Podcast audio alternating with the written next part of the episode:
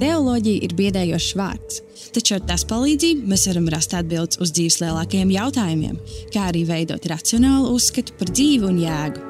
Jēzus teica, jūs zināsiet patiesību, un patiesība jūs darīs brīvus. Tāpēc šī podkāstu mērķis ir vienkāršs - aizsniegt katru, kurš grib rakties dziļāk Bībelē, garīgi augt, izaicināt sevi ar jauniem viedokļiem, un pats galvenais - zināt un izdzīvot patiesību. Ir skaista augusta piekdiena. Es nesen esmu atnācis no savas pēdējās darba dienas, savā vasaras darbiņā. Un uh, man jāatzīst, ka kaut kā tajos grūtajos darbos, es atceros arī pagājušajā gadā, kad es pavasarī strādāju. Es nesu tur cilāju smagas kastes un tā tālāk, bet tieši tajos grūtajos darbos, tajos, uh, tajos brīžos, kad tu vienkārši esi viens pats ar savām domām, ir tajos brīžos rodas vis, visfilozofiskākās domas.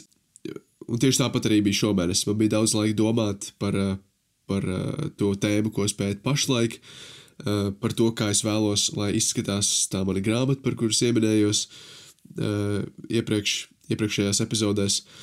Es vēl joprojām palikšu pie tās pašas tēmas, tēmas par templi, vecā, vecajā un jaunajā derībā. Taču man ir jāsaprot, kā es vēlos pie tā mana secinājuma nonākt, kādas soļus es izmantošu un kāda būs, kāda būs saturs un secība. Tāpēc uh, man bija laiks par to domāt, un īstenībā šis podkāsts ir ļoti palīdzošs, jo šeit arī var tādā loģiskā secībā mēģināt saprast, kā, kā es vēlos nonākt pie, tā, pie tiem secinājumiem. Un uh, šī ieraksta nosaukums ir Tas viss ir par hermenētiku, un es tūlīt paskaidrošu, ko tas vispār nozīmē. Bet uh, pirmkārt, ja kādam interesē par manu teoloģisko izglītību. Es ieminējos iepriekšējā epizodē, lai jūs paturat aizlūgšanās šo, šo vajadzību, un Dievs ir bijis ļoti labs, un Viņš ir gādājis par visām lietām, par finansiālajām lietām, un es jau drīzumā eh, nākamnedēļ, īstenībā sestdien, 12. Eh, augustā dodos uz ASV, lai uzsāktu savas teoloģiskās studijas es esmu ļoti, ļoti patīkami satraukts.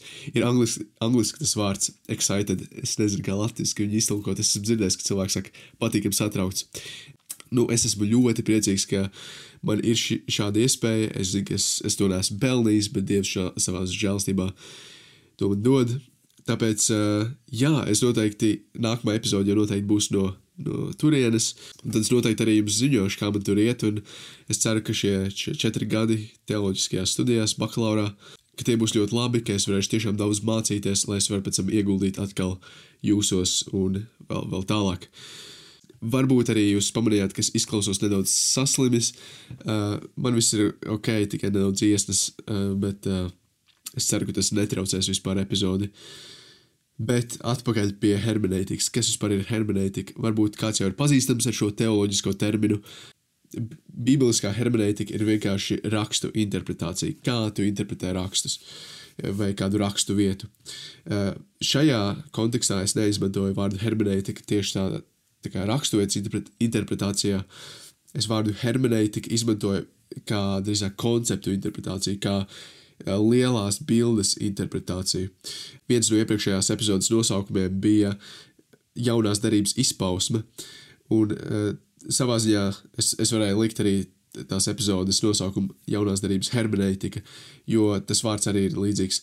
Es mēģināšu šajā epizodē prezentēt vairākus, vairākus kontrastus, kā izpaužās vecā kārtība un jaunā kārtība.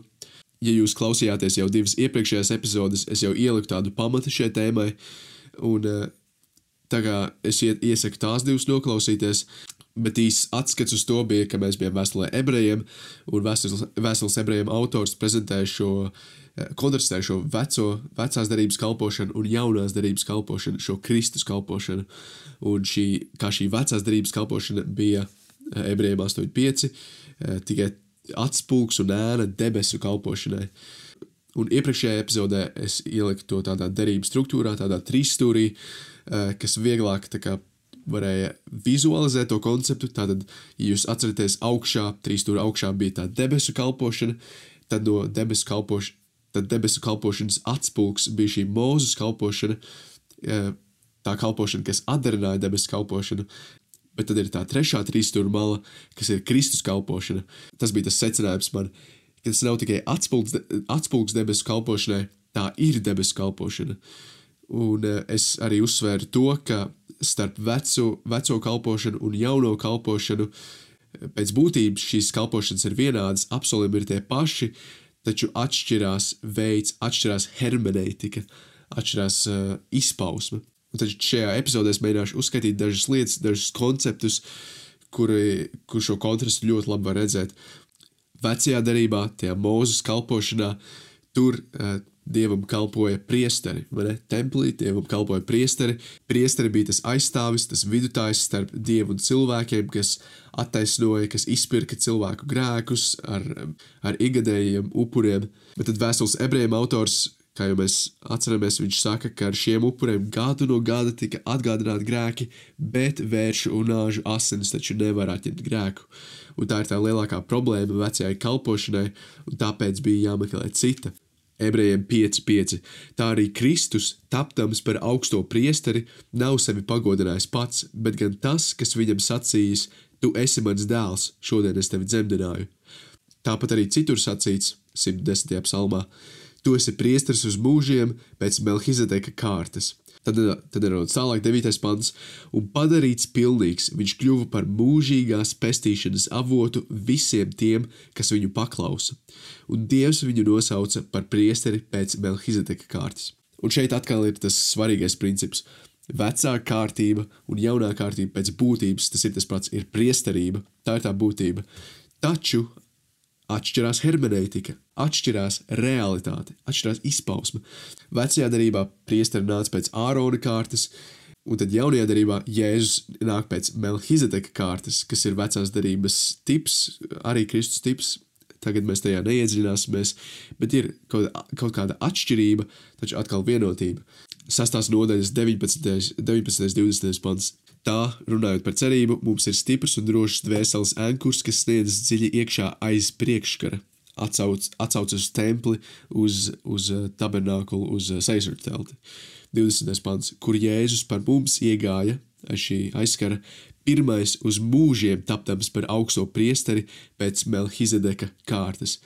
Tātad vēstules ebrejiem autors attēlo šo, šo attēlu, kā Jēzus ieiet šajā aiz šī priekškara, uh, Vecajā kārtībā šie priesteri, lai viņi varētu šķīstīt tautu, viņiem nācās šķīstīties pašiem. Viņiem nācās upurēt upuri par saviem grēkiem, un tad viņi varēja upurēt par tautas grēkiem. Un tā katru dienu, dienu no dienas, gadu no gada, par saviem, par tautas grēkiem, un, un tas ir, ko Vēsules ebrejiem saka 7. nodaļā, 22. pants. Pēc šīs zvērsta Jēzus ir kļuvis par labākas derības galvotāju. Un šis ir ļoti svarīgi. Turklāt par priesteriem ir kļuvuši daudz, jo nāve neļāva tiem pastāvīgi palikt amatā, to, ko es tikko teicu, jo viņi ir mirstīgi. Ne? Bet viņam, tas ir Jēzum, ir nepārējoša priesterība, jo viņš paliek mūžīgi. Tādēļ viņš arī var pilnīgi izglābt tos, kas caur viņu nāk pie Dieva, jo viņš vienmēr ir dzīvs, lai par tiem iestātos. Un šie panti man šķiet, man personīgi, manā krist, kristieša dzīvē, personīgajā, ir bijuši tik ļoti svarīgi, kad es sapratu šo īstenību, šo patiesību, šo realitāti, ka Kristus nepārtraukti visu laiku iestājas par mani kā mans augstais priesteris. Es nedzīvoju vecajā kārtībā, kur man visu laiku ir jānožēlo, jānožēlo, jānožēlo ik, par grēkiem, kurus es, kurus es nezinu. Nē, Kristus ir kļuvis par, par labākas derības galvotāju. Viņš nebitīgi visu laiku iestājas par mani, un šai patiesībai vismaz manī tas izraisa lielu uh, pazemību, un kristietim vajadzētu šai patiesībai vest arī uz svētāpšanu. Tad tas ir viens tāds aspekts par priesterību kopumā. Tad parunāsim par templi. Mēs jau iesākām dažas epizodes iepriekš, bija epizode ar nosaukumu uh, Eidere kā templis. Vecajā kārtībā templis bija šī fiziskā ēka, kurā varēja ieiet, kurai, kurai varēja apiet apkārt, kuru varēja redzēt. Templis bija visas, visas Izraēla, jeb jūdeisma reliģijas teikt, centrs. Uh, to ir īstenībā ļoti grūti salīdzināt ar kaut ko mūsdienās, uh, iedomājieties, nu, Latvijas kontekstā. Rīga, vai ne? Rīgā ir visi centrs, ne? Parasti visi skolnieki, kad viņi pabeidz pamatskolu, dodas uz Rīgu studēt, un Rīgā ir visi biznesi un viss, tā teikt, galvaspilsēta? Man liekas, tik ļoti svarīgi Izrēlam eh, tajā reliģijā pirmajā gadsimtā, īpaši mēs varam redzēt, ka viņi tur pirka un pārdeva Taču vecā darība jau pašā sākumā mums parāda to, ka tas nav tas, ko Dievs bija iecerējis. Dievs negrib mājot rokām darinātos tempļos. Jēzus 66.1. Tā saka, kungs, debesis ir mans tronis un zeme ir mans kājsols. Kādu gan namu jūs man varat uzcelt, kādā gan vietā es varētu apmesties? Šeit ir tas, par ko es runāju tajā epizodē par ēdeni. Templis vecajā derībā ir tā vieta, kur Dievs mājo cilvēku vidū. Kad Dievs rada pasauli, tā iecerē ir, ka, ka viss kosmos ir Dieva templis, ka debesis ir viņa tronis, zeme ir viņa kājasols, un viņš eh, valda pār visu kosmosu, pār visu pasauli. Šis ir ļoti interesants. Šajā es vēl vēlos iedziļināties, it īpaši savā grāmatā, bet, ja jums interesē, tad dažas epizodes atpakaļ ēdera kā templis, bet man noteikti tā epizode vēl būtu jāpapildina. Bet tā tad. Vecajā darbā templis, fiziska celtne, fiziskā ēka, uh, ko var redzēt, kurā mājoja dievs, tik tiešām viņi godīgi mājoja templī. Taču, ko par templi saka jaunā darība. Kā, kāda ir šīs hermenētikas maiņa? Jo 70. gadā, kad romieši iebruka Jeruzalemē, templis tika nojaukts. Te ir tas salīdzinājums ar to Rīgu. Iedomājieties, ja Rīga no Latvijas konteksta pazust, cik ļoti tas būtu dīvaini un, un Latvija, es negribu tā teikt, bet tukša liktos. Ne? Un iedomājieties, ka viss šis kultūras centrs, reliģijas centrs, šis templis 70. gadā pēc, eh, pēc Jēzus tiek nojaukts. Un tas jautājums ir, kā jaunajā darbā tiek runāts par templi, kas ir di īstais dieva templis. Un paturiet prātā, princips. Būtība ir tā paša. Vecajā darbā templī mājo dievs, un jaunajā darbā templī mājo dievs. Bet jaunajā darbā templis ir Kristus draudzene ar Kristu priekšgalā. Pāvils 1. korintiešiem 6 apgalvo, ka tempļi esam mēs paši, jo Jo tas ir loģiski, mūsos mājo Dievs. Dievs vairs nemājo šajā rokā darinātajā templī, Dievs tagad iemājo pašos cilvēkos.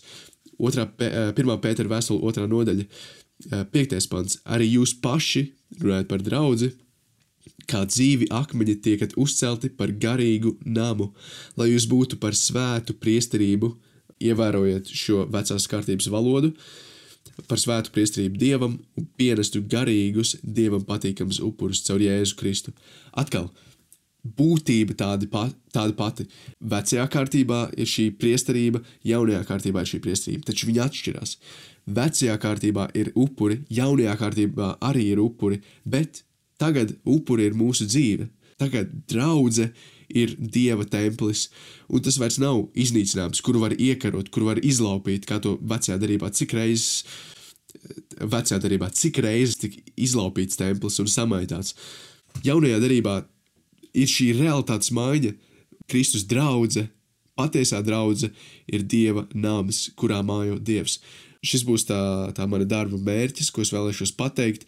Un tam, protams, seko ļoti svarīgi secinājumi draudzēji ko tas nozīmē. Wow, mūsos tagad mēs esam Dieva templis, ko tas nozīmē uh, tajā kosmiskā tempļa kontekstā. Atklāsmes 21, 22 līdz 27. Tur ir rakstīts, uh, runājot par Dieva pilsētu. Templi es neredzēju, jo tās templis ir kungs, dievs, visu valdītājs un jērs. Paņemsim vēl vienu piemēru. Valstība. Dieva valstība. Vecajā darbā dieva karaļvalsts ir, ir šie vecās darbības cilvēki, vai ne? Vecajā darbā Dieva ķēniņa valsts ir Izraels. Šīs fiziskās robežas uh, tuvajos austrumos, kuros dzīvoja cilvēki. Tā bija tā valstība, kurai apsolītā zeme bija Kanādas zeme, vai ne, kur viņi arī pēc tam mājoja. Jaunajā darbā atkal būtība tas pats - valstība vēl joprojām ir dieva cilvēki, taču šoreiz pirmkārt tu netiec valstībā piedzimstot tajā, tu tiec valst, valstībā caur ticību, vai ne? Paskatīsimies, ko ebrejiem 12 saka, 26. pants. Viņa balss toreiz satricināja tikai zemi, bet tagad viņš ir pasludinājis: Vēlreiz es satricināšu nevienu zemi, bet arī debesis. Vārdi vēlreiz skaidri norāda, ka visu, kas satricināms, visu, kas fizisks, kas redzams, ne, kas ir rokās paņemams, visu, kas satricināms, viņš tad paņems prom, kā piederīgu radībai, lai paliktu nesatricināmais lai paliktu tas, kas nav redzams, tas, tas ko nevar iekarot, ko nevar izlaupīt.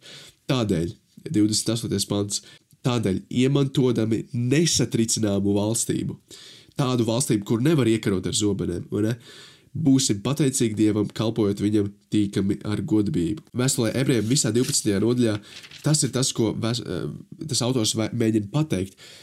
Tie vecās derības koncepti, valstība un templis un tā tālāk un troņi, tie visi bija fiziski iekarojami, bet tagad mēs, kristieši, mēs, Dieva sekotāji, caur Jēzu Kristu, esam iemantojuši nesatricināmu valstību. Tāpēc būsim Dievam pateicīgi. Paši Jēzus vārdi, Lūkas 17. Uz farizēju jautājumu, kad nāks Dieva valstība, viņš tiem atbildēja: Dieva valstība nenāks redzamā veidā, nedz arī kāds acīs, redzi šeit vai tur, jo redzi, Dieva valstība ir jūsu vidū. Un tā ir tā paradigmu maiņa, ko daudzi nesaprata. Tā ir tā hermeneitika, jeb izpausme, kuri daudzi, kuri daudzi jūdi nevarēja uztvert. Tāpēc jau vēstule ebrejiem ir rakstīta, lai šiem jūdiem, kuri, kuri vēlējās iet atpakaļ uz, uz eh, veco kārtību, kur vēlējās iet atpakaļ uz tipiem, simboliem, viņi negribēja nākt pie patiesā eh, augstā priestera, pie Kristus, kurš patiesi var uh, samaksāt par viņu grēkiem, caur kuru var iemantot nesatricināmu valstīm, tā tālāk un tā tālāk. Vēl viens piemērs, kur mēs jau detalizēti izgājām cauri epizodē, bija Jāņa 4, kā, kā Jēzus runā ar sievieti un viņa, viņa, viņas bažas. Ne? Kungs, es redzu, ka tu esi pravietis. Mūsu tēvi ir lūguši Dievu šajā kalnā, bet jūs sakāt, ka tā vieta, kur jāpielūdz, ir Jeruzaleme. Un tad Jēzus saka viņai, Tici man, sieva, nāk stunda, kad jūs nepielūgsiet tēvu ne šajā kalnā, ne Jeruzalemē. Tātad vecajā darbā šis, šis fiziskais kalns, kurā dieva tauta cēla templi un tā tālāk, Jēzus saka, nāk stunda, un tā ir jau tagad, kad jūs nepielūgsiet tēvu ne šajā kalnā, ne Jeruzalemē, un pēc tam vēlāk, tāpēc, ka Dievs ir gars, to būs pielūgt garā un patiesībā. Bet ko vēstules ebrejiem saka par to kalnu, kas bija vecajā derībā, par Sīnai kalnu? Jūs taču neesat pienākuši klāt tādam kalnam, ko var aptaustīt ar rokām, nedz arī kvēlojušai ugunī, negaisa krēslai, melnai tumsai un viesuļvētrai, atsaucoties uz to, eh, uz to uh, notikumu, kad Dievs deva mūzam likumu, kad, Dievs saņēma liku, kad Mūzes saņēma likumu no Dieva. Uh, nedz tauru skaņām vai runājošai balsī, kur dzied, dzirdēdam ļaudis lūdza, lai tiem vairs netiek sacīts ne vārds. Tie nevarēja panest to, kas bija pavēlēts. Ja šim kalnam pieskar kāds zvērs, tas jānometā akmeņiem. Redzētais bija tik briesmīgs, ka Mozus sacīja: Es esmu izbijies un šausmu pārņemts. 22. pants. Bet jūs esat tuvojušies Cijānas kalnam un dzīvā dieva pilsētai, debesu Jeruzālēmai un neskaitāmu eņģeļu pulku svētku svinībām. Jūs esat tuvojušies pirmsmušo, ja mantinieku draudzēji, kuru vārdi ir ierakstīti debesīs, un dievam visu tiesasim un to dvēselēm, kas sasnieguši pilnību. Cik fantastiska realitāte, ka mēs ar Kristu esam tuvojušies Cijānas kalnam. Mēs esam atnākuši uz Cijānas kalnu, uz Dieva pilsētu, uz debesu Jeruzalemi. Kas ir debesu Jeruzaleme bībeliskajā kontekstā? Kas ir debesu Jeruzaleme jaunajā derībā? Kā šī hermenētika nomainās? Jo vecajā derībā bija reāli Jeruzaleme pilsēta, kurā, uz kuru varēja aiziet, kurā bija templis, bet šeit, jaunajā derībā, vēstulē ebrejiem autors saka, ka jūs esat tuvojušies caur Kristu, vai ne? Dieva pilsētai, debesu Jeruzalemē. Jūs esat tuvojušies pirmsmušo draudzēji, Tā ir tā atslēga. Tā Jeruzaleme ir draudzene. Pats Jēzus nosauc ticīgos savus sekotājus, pēc Jēzus nosauc draugu kā pilsētu, pilsētu kalnā, kas nevar tikt apslēpta, kura izgaismo pārējos, pārējo pasauli. Tāda neliela ēdienas simbolika ar to kalnu arī, bet ļoti svarīgi raksturot atklāsmes 21. Es ieraudzīju, Jānis redz šo, šo vīziju, vai ne? Es ieraudzīju svēto pilsētu 21.2 jauno Jeruzalemi, nokāpjam no debesīm, no dieva kā līgavu sapostu un izrotātu savam vīram, kas ir dievs. Es dzirdēju varenu balsi atskanam no troņa, redzi, dieva mājoklis pie cilvēkiem. Tagad, ja jūs esat klausījušies jau iepriekšējās epizodes, kas ir dieva mājoklis, kāpēc šis ir tik svarīgi. Dieva mājoklis pie cilvēkiem, un viņš mājos kopā ar viņiem, un viņi būs viņa tauta, pats dievs būs ar viņiem un būs viņu dievs. 9. pantā beigas, 10. pants. Skaties, es tev rādīšu līgavu, jēra sievu. Viņš mani garā aizved uz lielu augstu kalnu, un rādīja man svēto pilsētu, Jeruzalemi nokāpjam no dieva. Tātad šī līgava, jēra sieva, kas mēs zinām, ka ir draudzene, ir arī šī pilsēta, kur nokāpj no debesīm. Un šo realitāti ir tik ļoti svarīgi saprast, jo tas ietekmē, kā mēs dzīvojam. Tas ietekmē mūsu uzdevumu šajā pasaulē, un tas ir, par ko es vēlēšos runāt tālāk. Kā tas ietekmē mūsu, kā tam vajadzētu ietekmēt mūsu dzīves, kā draudzē vajadzētu skatīties uz, uz Kristus uzdevumu. Ejiet un dariet par mācekļiem visas tautas. Jo Jēzus grāmatā otrajā nodaļā ir šī ļoti, ļoti skaistā vīzija, šis skaistais attēls. Un tur ir rakstīts, tā notiks nākamajās, jeb precīzāks tulkojums ir pēdējās dienās. Otrais pants - par kalnu virsotnēm kunga nama kalns sliesies. Par pārējiem kalniem, ne? Kunga nama kalns, kunga tempļa kalns sliesies. Tas pacelsies pār augstieniem un tecēs pie tā visas tautas. Un tagad, ja jums ir galvā šī simbolika, kas ir kalns, kas ir Jeruzaleme, un šeit Jēzus redz šo kā pie šī kalna tek visas tautas. Trešais pants. Daudzas tautas nāks un teiks, iesim, kāpsim kunga kalnā, jēkabā namā, lai viņš mums māca savus ceļus, un mēs iesim viņa takās. Ne? Māca, ne? ejiet un dariet par mācekļiem visas tautas, mācīdami tās turēt manus vārdus. Mateja 28 atsauks. Tādēļ es mēģinu savilkt šos divus kopā. Jo no Cijānas nāks bauslība un kunga vārds no Jeruzālēmes. Kas ir Cijāna, kas ir Jeruzālēme? Mēs esam tuvojušies Jeruzālēmē. Viņš tiesās ļaudis, spriedīs par daudzām tautām, jā, ļoti, ļoti skaisti. Un, un man liekas, ļoti skaidri, ka Jēzeja redz Jēzus dienas, viņš skatās uz Mēsiju, jo tur ir otrajā pantā, notiks pēdējās dienās, un vēstule ebrejiem sākās ar vārdiem: Dievs sensenos laikos daudzkārt un dažādi caur praviešiem runājis uz tēviem, bet šajās pēdējās dienās viņš ir runājis uz mums caur dēlu. Es gan jau turpināšu citā reizē, es ceru, ka tā ideja ir skaidra. Vecās derības kārtība un jaunās derības kārtība Tā būtība ir tā pati, apsolījumi ir tie paši, taču izpausme mainās.